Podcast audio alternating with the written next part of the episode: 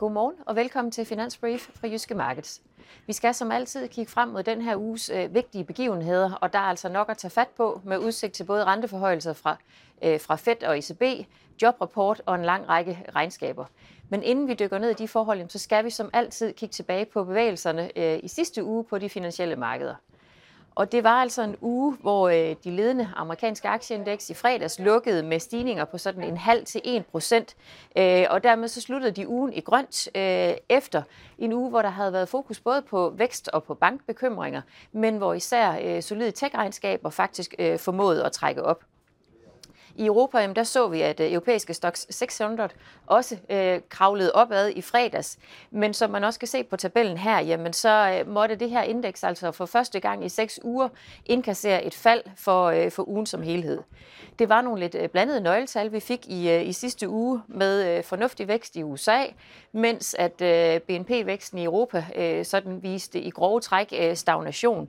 Øh, og så fik vi også øh, nogle små stigninger i øh, flere af de europæiske landes inflationstal i sidste uge, men det var til synligheden alligevel noget, hvor, hvor markederne konkluderede sådan mere eller mindre, at det ikke var en rygende pistol for, for ECB, og derfor så blev renterne altså sendt ganske markant ned.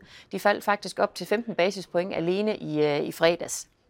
Og markederne tog altså heller ikke notits af, at lønvæksten i USA øh, stadigvæk er alt for høj efter ECB's øh, smag.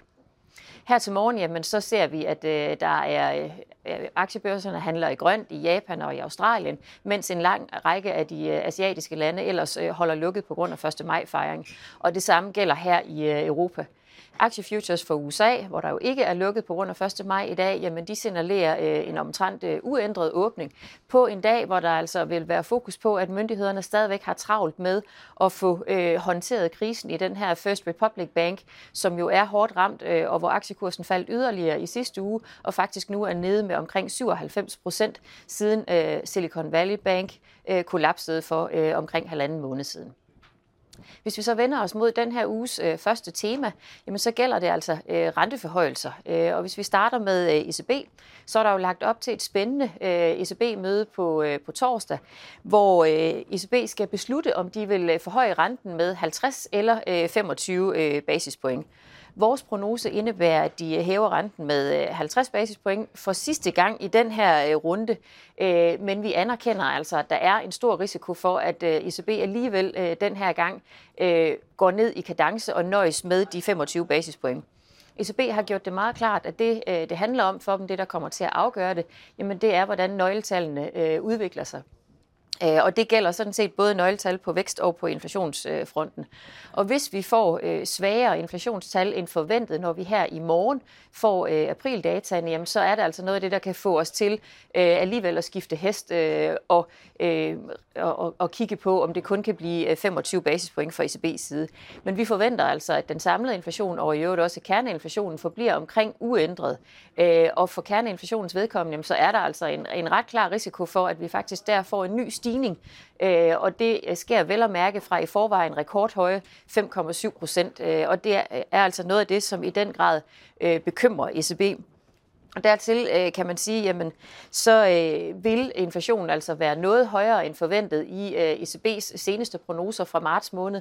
Og når det så bliver koblet med, øh, at vi stadigvæk har et stramt arbejdsmarked, at øh, lønaftalerne i, øh, i Tyskland øh, faktisk er kommet ud øh, klart til den høje side, øh, jamen så er det altså noget af det, der øh, i den grad stadigvæk er med til at bekymre øh, ECB. Øh, og det er, det, øh, det er de forhold, som, som ligesom ligger til grund for vores forventning om de fortsat 50 øh, basispoint. Men der er ikke nogen tvivl om, at usikkerheden altså er stort, ikke mindst fordi øh, markederne altså ikke har købt ind øh, på casen. Hvis vi så vender os mod øh, USA, jamen så er der jo også øh, Fed-møde på onsdag. Her forventer vi, at Fed kommer og forhøjer renten med 25 basispoint.